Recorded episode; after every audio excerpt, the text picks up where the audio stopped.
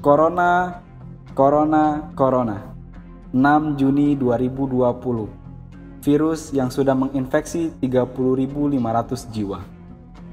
Meranggut 1.800 nyawa. Yang faktanya, tingkat kematian di Indonesia lebih tinggi dari negara sekitarnya. Cuitan Indonesia akan aman selalu bergema. Dulu, ketika corona belum murka, dan faktanya Indonesia seakan mau porak-poranda menghadapi virus dengan tubuh kerdilnya. Setelah itu, cuitan Indonesia seakan aman corona tergantikan dengan ayo jaga kebersihan, jaga jarak aman, hingga pembatasan sosial secara besar-besaran. Pemerintah sibuk dan fokus menghadapi virus yang katanya hanya konspirasi belaka.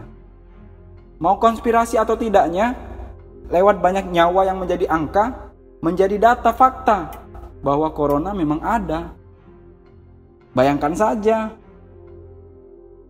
jika ini hanya permainan belaka, betapa jahatnya seluruh manusia yang duduk di atas tahta sana. Tapi karena memiliki pemahaman ilmu fakta, cukup sebagai alasan untuk percaya. Konspirasi mungkin, mungkin ya. Ya memang ada, tapi oknum tertentu saja. Berbicara ini dalangnya siapa? seakan menghabiskan waktu kita sebagai anak muda. Hashtag di rumah aja sudah menjadi hashtag yang be aja. Banyak yang mengeluh. Bener ini libur sampai berbulan-bulan lamanya, kata anak sekolah.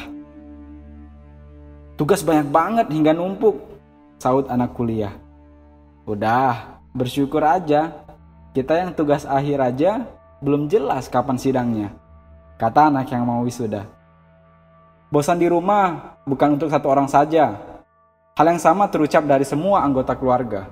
Konser-konser pun digelar untuk menghibur semua yang ada di rumah aja. Seminar-seminar online diadakan untuk membantu pengetahuan para pemuda. Tapi sayangnya, banyak pemuda yang masih diam saja. Seakan rangkanya diikat dengan selimut kasur yang menghangatkan. Scroll trending Twitter, buka explore Instagram, sampai swipe TikTok hingga berlebihan.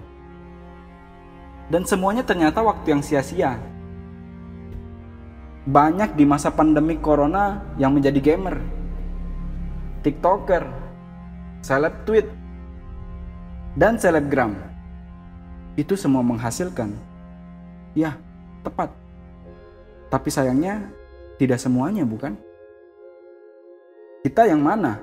Yang sia-sia atau yang berhasil memanfaatkan pandemi corona. Kita sebagai pemuda harus punya terobosan-terobosan gagah. Dari libur tiga bulan lamanya, udah menghasilkan apa aja? Atau cuma menambah berat badan dan menghabiskan kuota?